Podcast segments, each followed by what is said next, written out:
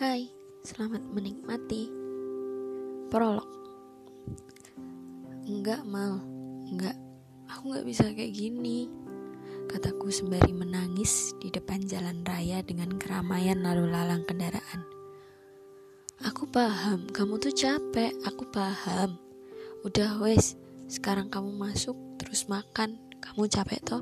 Sana makan Kata Mala menyuruhku kembali masuk ke warung makan daerah perbatasan Jawa Tengah dan Yogyakarta. Kalau mataku kelihatan banget, aku malu. Aku tuh sok kelihatan ya abis nangis. Kataku ragu untuk kembali masuk. Wes, ndak apa-apa. Di sana kan ada banyak temen toh, nggak bakal kelihatan wes. Kalau ditanya, bilang aja habis telepon ibu. Kata Mala menenangkanku. Iya, aku masuk, tapi jangan dimatiin ya teleponnya, kataku. Iya, sah, buruan masuk, jawabnya. Aku pun berjalan masuk ke tempat makan yang digunakan rombongan untuk makan. Aku ingat betul, pada saat itu tanggal 9 Agustus 2020. Tepat saat anak angkatanku semasa aliyah berkumpul untuk takziah ke rumah duka ibunya Daus. Pulang dari rumah duka, kami serombongan sepakat memilih tempat makan di perbatasan untuk makan dan beristirahat sejenak karena masih harus menempuh perjalanan sekitar satu jam lagi untuk sampai ke rumahku.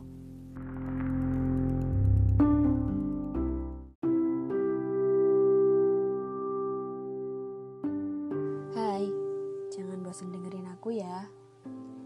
There was ever tanggal 12 Agustus 2020 kalau nggak salah waktu jam 9.25 malam.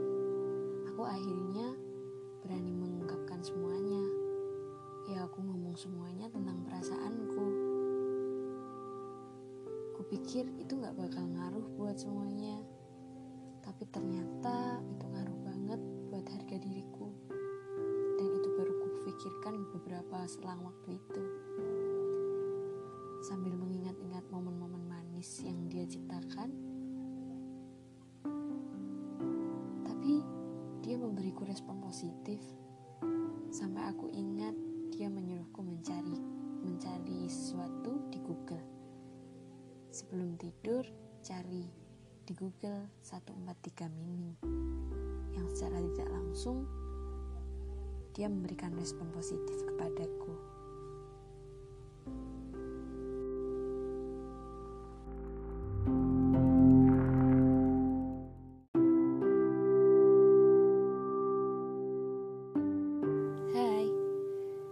Bosan dengar suaraku ya. Maybe he is mine. Dia. Iya dia.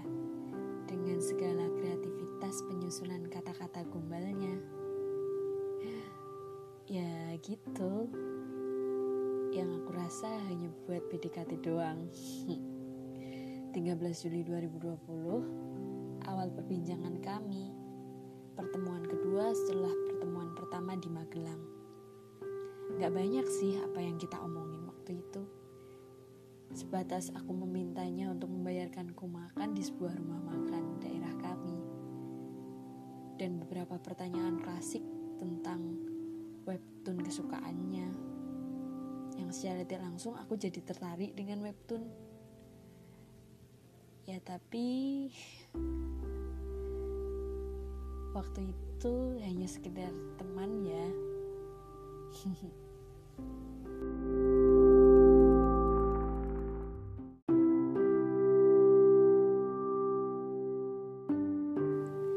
Hai, jangan bosan dengar suaraku ya. Knowing me, aku. Here I am. Aku Analisa, sering dipanggil Lisa. Umurku 17 tahun. Aku tamatan salah satu pesantren di daerah Yogyakarta. Baru pertama merasakan beberapa keanehan dunia luar, termasuk dalam hal jatuh cinta. Pernah semasa SD aku jatuh cinta dengan teman sekelasku sendiri. Padahal dia banyak yang suka, hampir semua perempuan sekelasku suka dengannya. Sejak SMP aku terlibat kisah cinta monyet dengan salah satu temanku tapi aku rasa itu hanya cinta candaan. setelah SMA aku masih terlibat jatuh cinta dengannya. Tapi ya masih cinta monyet. Sama sekali kita tidak membangun komitmen atau apa pun padahal dia sudah bertemu dengan orang tuaku. Yang terakhir aku bertemu dengannya. Iya dia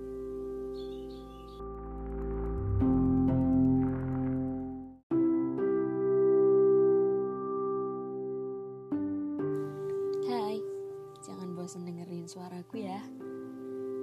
Something wrong.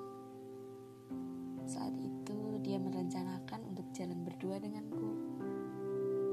Tapi tiba waktu di waktu itu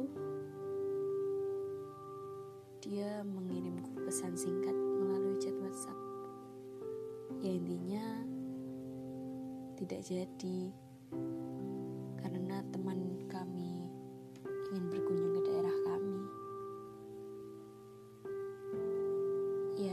masalah sih. Tapi itu salah satu teman kami perempuan. Aku merasa ada yang beda. Dan ternyata memang dari awal dia memang sudah pernah masuk ke dalam dunia dia tapi ya gitu meninggalkan bekas luka karena dalam akhir cerita ini dalam akhir hari itu aku dan dia berpelukan. Dan rasanya wow tidak bisa dilupakan